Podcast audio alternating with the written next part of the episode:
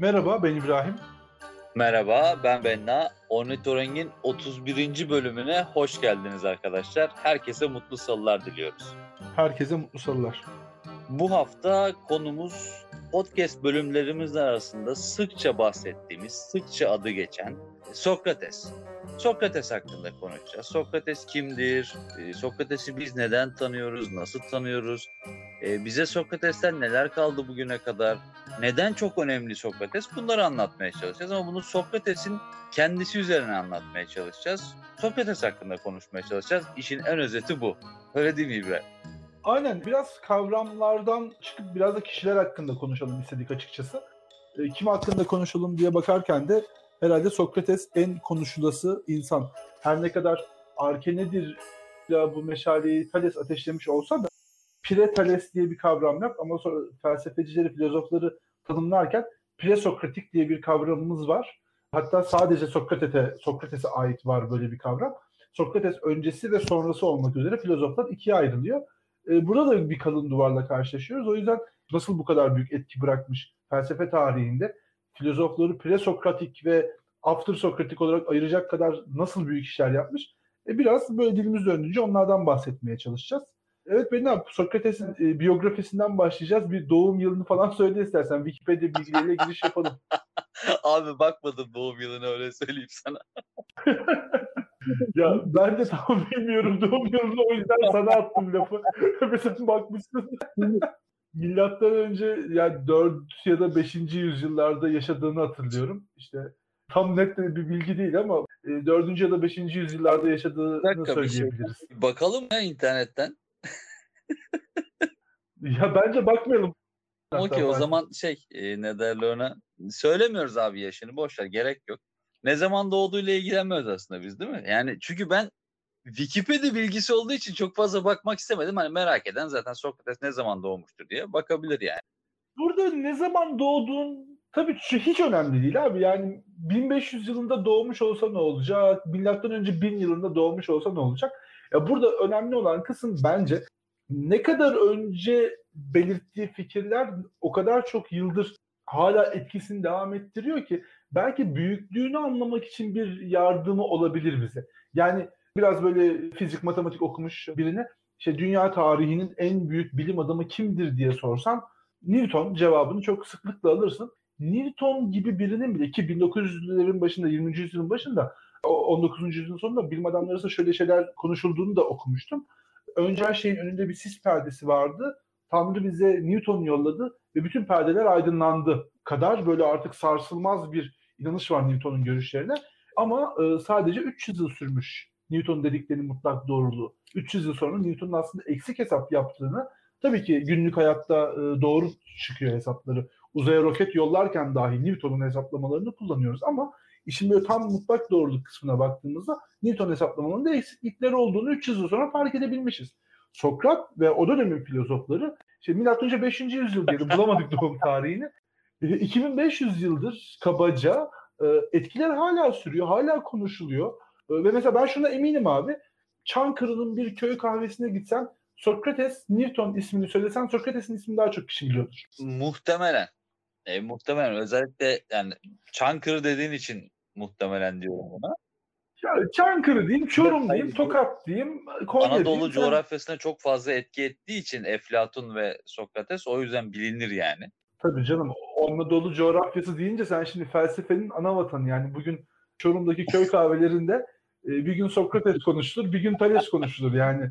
Buraya acayip bir etkisi var bu filozofların. Bence Şöyle, doğru söylüyorsun. Esasında hem Eflatun'un hem de Sokrates'in takip ettiği veya söylediği görüşlerin bir bölümü burada Anadolu topraklara yankı bulmuş. İşte gerek din, gerek adet, gerek örf olarak girmiş durumda da. O yüzden bilinir diye diyorum yani. Ben açıkçası hangi adetler girmiş onu ayrıca bir konuşalım istiyorum seninle. O adetleri ben biraz kaçırmış olabilirim. Ama şimdi girmeyelim ona. Sokrates'e girip yani Sokrates'ten devam edelim. söyleyeceğim bırakacağım o kadar. E, tasavvufu incelediğinde Anadolu tasavvufu Sokrates'in ve Eflatun'un çok muazzam etkisi var. İnanılmaz büyük etkisi var yani. Tamam öyle olsun. Ya etkisi tabii ki vardır. Yani burada doğmuş, büyümüş, çevrilmiş, buradan batıya aktarılmış eserler sonuçta en nihayetinde. E, ama ben işte 1400-1500 yıllara değil de biraz günümüze baktığımda böyle ucundan kıyısından Sokrates ne demiş, Platon ne demiş, Aristo ne demiş diye baktığımda da ya açıkçası başka gezegenlerde yaşanıyor gibi hissediyorum. Belki de benim hissiyatım yanlış. Bir bölüm çekelim bunun üzerine konuşalım. Sokrates'e geri dönelim abi. Çok goy goy yaptık. Sokrates peygamber mi? İlk sorun bu. Yani olmadığına dair bir veri yok elimizde. Olduğuna dair veri var mı? Yok. E, bazı tanımlamalarla, diyaloglarda falan da var. Bazı yerlerde geçiyor. E, kendisini koyduğu yer itibariyle böyle peygambere yakın bir yer esasında. Kendisini tanımladığı yer oraya yakın aslında. Çok uzak değil. Evet çünkü hani tanrıların insanlara yollamak istediği mesajları kendisi vasıtasıyla yolladığını bunu da kendi iç sesi olarak tanımladığı bir demon işte popüler kültürde şeytan, demon böyle oyunlarda falan da geçen bir demon vasıtasıyla kendisine iç ses olarak fısıldandığını söylüyor. Evet aslında kendisi kendini bir nevi peygamber olarak tanımlıyor diyebiliriz ama yani çıplak ayaklı dolaşan pis göbekli bir adamın sözüne ne kadar inanacağız? O da ayrı mesele. Aslında bir de şey var abi biliyorsun hani burnu basık. Evet şişko. Çirkin. Mesela hani internette Sokrates kimdir diye yazınca ilk karşına o burnu basık olan fotoğrafı çıkıyor direkt hiç, hiç susuz sabunsuz bir şekilde. Benim abi Sokrates hani kimdir e, kısmında Sokrates kimdir meselesini tartışırken böyle öğrendiğimde çok nasıl olabilir böyle bir şey demiştim. Sokrates'in günümüze kalmış yazılı bir eseri yok. Ee, biz Sokrates'i kendi eserlerinden tanımıyoruz açıkçası. Çoğunlukla Platon'dan daha az bir şekilde Aristo, Aristofanes ve Xenofon'dan tanıyoruz. Bunlar böyle Sokrates'ten sonraki dönemlerde yaşamış öğrencileri diye adlandıracağımız kişiler. Daha çok Platon vasıtasıyla tanıyoruz. Sokrates'in burada yazıya dair radikal bir fikri var. Ee, Sokrates diyor ki insanlar eğer ki bilgileri yazı yoluyla aktarırlarsa bilgi edinme metodu yazıya kayarsa bu insanların zihnini tembelleştirir ve araştırma yapmaktan onları alıkoyar diyor ve hiçbir şey yazılı hale getirmiyor. Kendisi hiçbir şey yazmıyor ve yazı yazılmasına da bir derece karşı bir görüş ortaya koyuyor. Bu bana Sokrates kadar böyle hani tırnak içinde söylüyorum bunu aydın bir kişinin söylemesi için çok böyle radikal böyle sert bir cümle gibi geliyor. Ya burada aydın kavramını günümüze göre değerlendiriyorsun gibime geliyor bana. Bizim mahalledeki böyle e, Ali Cenap amcalar vardır ya dedeler onlardan bir tanesi gibi davranıyor aslında yaşamın içerisinde günlük hayatta böyle. Yani birisiyle konuşurken hani sürekli böyle bir laf sokayım onu böyle bir terse yatırayım modu bu hep genel olarak o yüzden de zaten çok fazla sevilmiyor. Ama zaten bu yapısı onu aydın kelimesini doğru anlamıyla kullanmadığımı kabul ederek ve altını çizerek ama bu yapısı herkesi bozmaya çalışması onu aydın yapmıyor mu zaten? Veyahut da aydın kelimesini kullanmayayım da çağının ötesinde bir kişinin yazı gibi böyle insanlık tarihini değiştiren başka bir noktaya getiren bir icat karşısında bu kadar ters bir görüşte bulunması bana ilginç geliyor. Yani tabii ki şey demek değil. Yani Sokrates'in çok faydalı fikirleri var. Saçma sapan şeyleri de olabilir. Hiç kimse söylediği şeylerin yüzde yüzünde yanlış, yüzde yüzünde doğru olamaz zaten ama bu çok temel bir konu olduğu için burada bu kadar terse yatması bana ilginç Yani geliyor. şöyle açıkçası. tanımlıyor kendisini. Daha doğrusu şöyle bir yere konumluyor kendisini. Diyor ki esasında hepimiz cahiliz. Bütün insanlar hiçbir şey bilmiyoruz hiçbirimiz. Ama ben diyor benim diyor diğerlerinden farkım ben bilmediğimizi biliyorum diyor. Onlar bilmedikleri bir şey hakkında bir de nutuk çekiyorlar. O yüzden ben onlardan daha az cahilim diyor. Bundan dolayı da bana bilge diyorsunuz Ya, diyor. O hikayenin e, tamamını da anlatayım ben istersen. Ben sadece şu yazı konusunda bir şeyi daha söylemek istiyorum. Sokrates'in kendi yazdığı bir eserin ulaşmaması, biz onu başkalarının yazılarında geçen ismiyle biliyor olmamız ve Platon'un bir noktadan sonra Sokrates öldükten sonra, Sokrates öldüğünde Platon 25 yaşında. Sokrates öldükten sonra bazı e, yazılarında e, Sokrates'i konuşturuyormuş gibi yapıp kendi fikirlerini söylemesi ya acaba Sokrates böyle kurgu bir karakter miydi?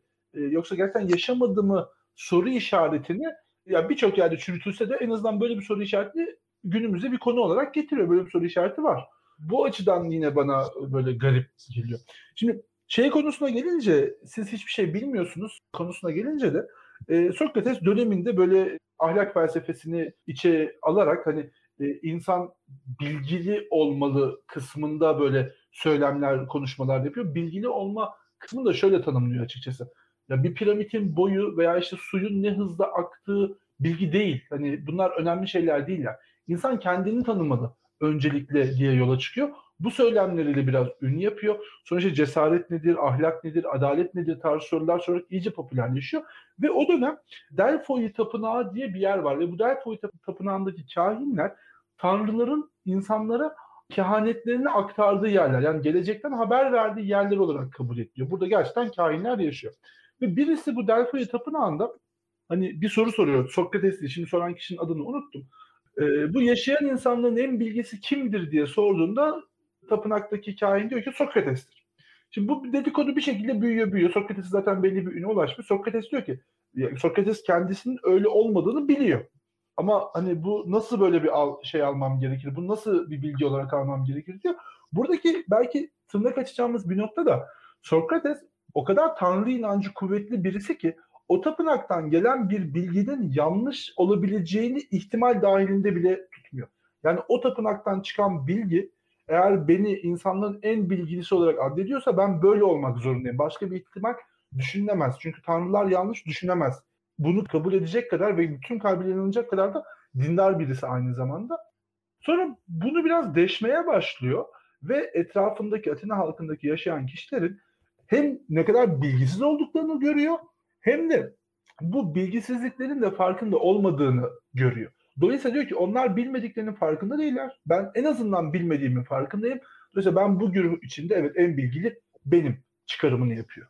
Ve buradan da hani o meşhur sözü geliyor. Bildiğim tek şey hiçbir şey bilmediğimdir lafı geliyor. E tabi buna da itirazlar geliyor. Ne demek yani sen evli olduğunu da mı bilmiyorsun? Yani üç çocuğun varmış, üç erkek çocuğu bunu da mı bilmiyorsun yani? Ne demek hiçbir şey bilmiyorsun diyor. E başka bir grup da diyor ki ya kardeşim o öyle demek istemedi. O hani orada e, ahlak, erdem, etik konulardan bahsetti. Hani kendi şeyinden oluşturduğu sistemler hakkında bir şey bilmediğinden bahsetti.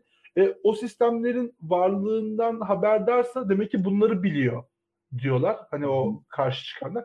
Böyle sarmal bir konu aslında burası. Sokrates hiçbir şey bilmiyorum derken çok da ciddi değildi. O kendi ironik şeylerinden, çıkışlarından birini yapıyordu Aslında bence. oradaki şey şu. E, hani zaten ornitorengin biliyorsun jeneriği de bu. Hani Sokrates'in çok güzel bir sözü var. E, bildiğim tek şey hiçbir şey bilmediğimde sen de orada diyorsun ki ya herhalde Sokrates dahil hiç kimse e, Sokrates'in hiçbir şey bilmediğine inanmıyordur diye. Aslında Sokrates'in mantığı evet. biraz da şu. Her şeyin bir devinim, bir değişim halinde olduğunu söylüyor, düşünüyor ve buna inanıyor. Dolayısıyla ben onu bildiğimde o değişmiş oluyor. Dolayısıyla yine bilmiyor konumunda kalıyorum. Hani bu şey gibi paradoks vardı ya e, tavşanla neydi o? Kaplumbağa evet, kaplumbağanın paradoksunda hani veya şey bir koşucu paradoksunda ne yaparsa sürekli bir mesafeyi yarısını alarak tamamlayamazsın.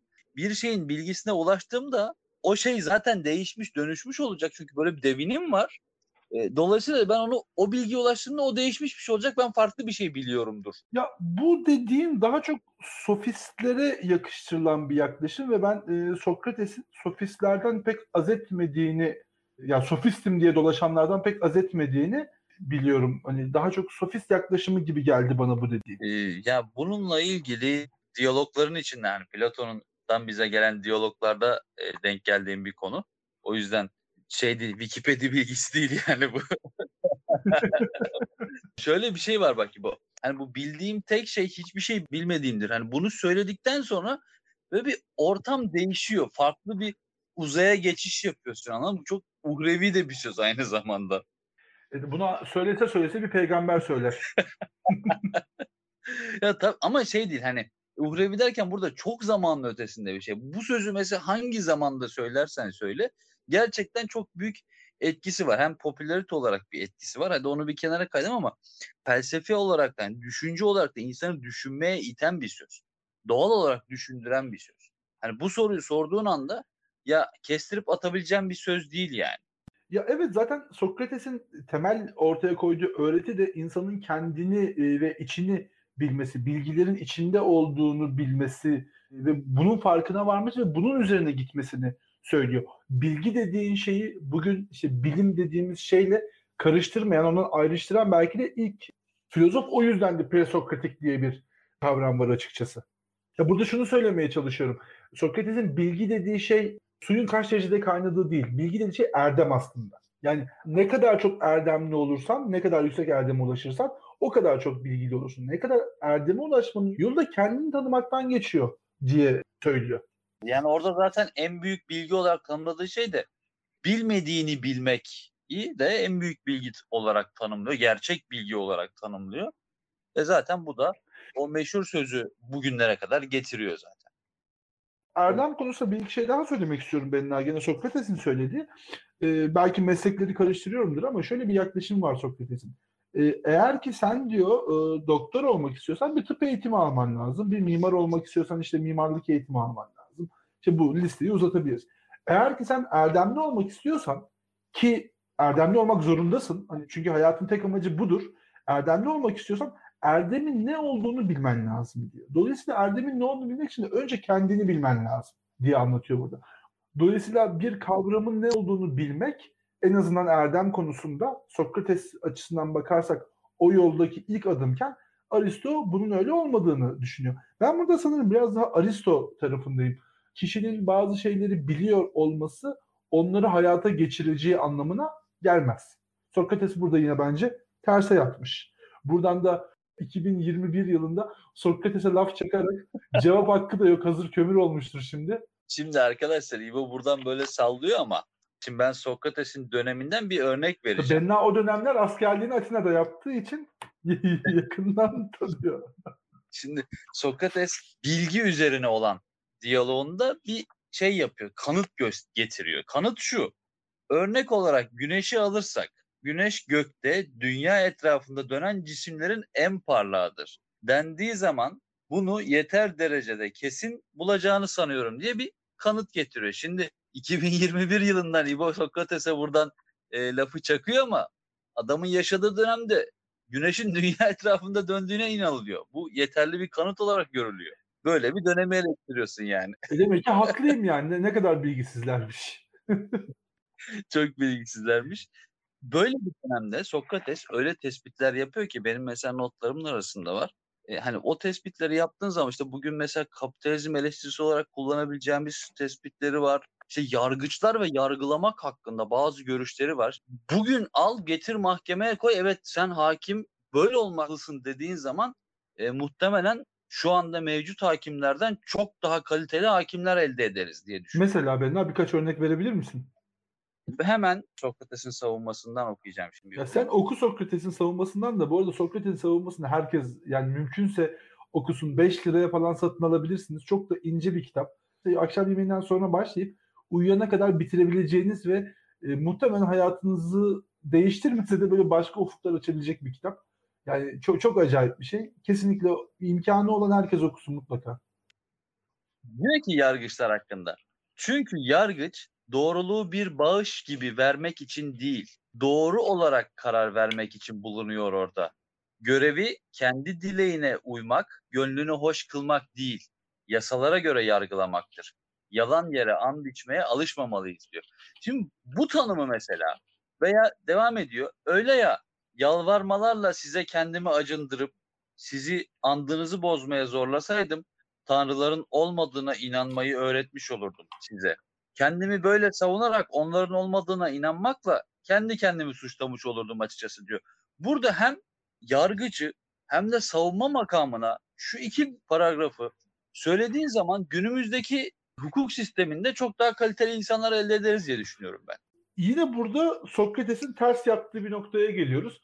Günümüzdeki hakimler, savcılar, avukatlar Sokrates'in e, bu savunmasını okumuyorlar mıdır, bilmiyorlar mıdır zannediyorsun? Yani zannediyorum ki hukuk fakültelerindeki temel ilk okunan kitaplardan biridir. Ama ya okuduklarına çok inanmıyorum. Ya abi okuyorlardı da işte kişiden kişiye yorum farkı. Ben de şimdi Kur'an-ı Kerim'i okuduğunda birisi canlı yayında dansöz oynatıyor, öbürsü Allah için kafa kesiyor. Yani farklı anlayabiliyorsun kitapları. Ben Aristo'nun şey, Sokrates savunmasını okuduğumda ya hayatınızı değişecek kadar kıymetli bir kitap derken e bir başkası hani bundan nasıl ne bileyim böyle kısa yollar bulabilirim diye okuyordur belki. Farklı yorumluyordur yani. Kendine yontabilir insan pekala. Ha işi yorumsuz böyle insanın e, dolandırıcılığını, insanın kalpazanlık faktörünü ortadan kaldırırsan eğer evet yani dediğin şey çok doğru. O dönem yaptığı savunma bugün al evet uygula ve müthiş olmasa da çok daha iyi bir adalet sistemini sana getirecektir. Bu ortada zaten. Ki orada bence savunma makamında olan yani e, suç yöneltilen kendisinin duruşu da çok kıymetli. Buna girmeden önce biraz şeyden bahsedelim mi abi? Sokrates niye savunuyor abi? Niye mahkemede bu adam? Birçok kişi biliyordur ama belki dinleyenler arasında bilmeyenler vardır. Tanrılara inanmadığı Ve için. Atina gençlerini dinden çıkartmakla suçlanıyor aynı zamanda. Bu iki sebepten dolayı yargılanıyor ve sonunda öldürülüyor zaten. Orayı da konuşuruz çünkü orası çok değerli bir bölüm ama oraya geçmeden önce biraz daha savunma hakkında da konuşalım istiyorum. Yani kendiniz bu yüzden savunmak zorunda kalıyor ve savunması işte Platon tarafından bize kadar ulaşıyor. Hani biz programlarda hep konuşuyoruz bölümlerde işte felsefe nasıl başladı? Arhenedir'le başladı. Evet felsefe oradan başladı. Ama modern insanın felsefeye girişi bana sorarsanız Sokrates'in savunmasından olmalıdır. Evet yani o açıdan çok böyle temel bilgileri, temel duruşları veren ve bunu şöyle vermiyor. İşte epistemoloji şudur, ahlak budur, metafizik budur diye vermiyor. Bunu hakikaten böyle bir nasıl desem bir dizi izliyormuşsunuz gibi. Çünkü hakikaten şey böyle bir mahkeme sahnesini anlatıyor aslında e, Platon savunmasında. Diyaloglar var, insanların konuşmaları var. Sokrates'in kendi ağzından konuşmalar var. Böyle bir dizi izler gibi, film izler gibi izliyorsunuz. Böyle ağır, dili ağır da bir kitap değil. Burada Sokrates'in ne yaptığını biliyor olması bana çok etkileyici geliyor. Yani ölümle yargılanıyor, ölüm cezası yargılanıyor. Ve savunmanın sonunda diyor ki ben Atina halkına yaptığım iyiliklerden dolayı hayatım boyunca ücretsiz yemekle ödüllendirilmeliyim. Buradaki özgüven çok etkileyici. Ya savunmada e, benim en etkilendiğim yer e, şurasıydı. At sineği Evet. örneği. Pek çok duymuştur belki ama şu kısaca bahsedeyim. Onu hemen okuyayım savunmadan o kısmını. E, diyor ki nedenli gülünç de olsa bir benzetme yapmama izin verin. Büyük ve yiğit ama büyüklüğünden dolayı ağır ve yavaş olan ve dürtülmesi gereken bir atı andıran devleti yerinden oynatmak için Tanrı'nın tebelleş ettiği benim gibi bir at sineğini kolay kolay bulamazsınız diyor. ya burada da yine o özgüven patlamasıyla evet. beraber Sanırım savunmanın başka birinde de şey diyordu. Hani böyle uyurken sana musallat olan bir sineği böyle e, elinle kovmaya çalışırsın ya böyle suratına falan vurursun kendi. Amaç ne? Uykuya devam etmek. Atina halkında biraz buna benzetiyor. Beni böyle kendinize vurarak öldürmeye çalışıyorsunuz. Amacınız o daldığınız derin cehalet uykusundan uyanmamak diye de bir tenkidi var halkına karşı. Sonra da diyor ki Tanrı size acıyıp benim yerime başka bir at sineği gönderinceye değin yaşamınızın geri kalan bölümünde uykuya dalarsınız gene diyor. Evet burada ağır suçlamalar yani trafik cezasıyla mahkemeye çıksa bu lafları ettikten sonra asılırdı herhalde. Yani modern dünyada yaşıyor olsa şu anda teröristti. O dönemde de teröriste benzer bir suçlamayla zaten Ee, öldürüldü. şok şok şok. Sokrates FETÖ'cü müydü? Hayır şey var. İşin komik tarafı şu yani 2500 yıldır hiçbir şey değişmez mi? Yani bir şeyler söyleyen insanların tamamı ya işte Engizisyon'a çıkar, ne bileyim dar ağaçlarına çıkar, işte öldürülürler, hain ilan edilirler. 2500 yıldır hiçbir Ya bak değişmediniz burada ya. Sokrates'in bak Ya burada bunu- Sokrates'in o kadar güzel bir çözüm önerisi var ki aslında bu sorunu o görüyor yani büyük adam. Bugünlerde de belki o sorunu yaşayacağımızı öngörüyor ve şöyle bir eleştirisi var. Diyor ki ya sen bir şey bayındırlık işi yapacaksan, yol yapacaksan bir inşaat mühendisinden fikir alırsın. Atıyorum bir ameliyat yapacaksan bir doktordan yardım alırsın. Bir öğrenciye bir eğitim vereceksen bir öğretmenin yani bu işin uzmanının bunu yapmasını istersin. Herhangi bir iş yaparken ayakkabın ne bileyim yırtıldığında bunu ayakkabıcıya götürsün. Kalkıp berbere götürmezsin yani. Sen herhangi bir iş yapacağın zaman bunu uzmanına götürsün. Devleti yönetmek gibi belki de bu işin en önemlisi ve en böyle herkese etki söz konusu olduğunda bu konuda hiçbir bilgisi olmadan halka neden soruyorsun ki bunu?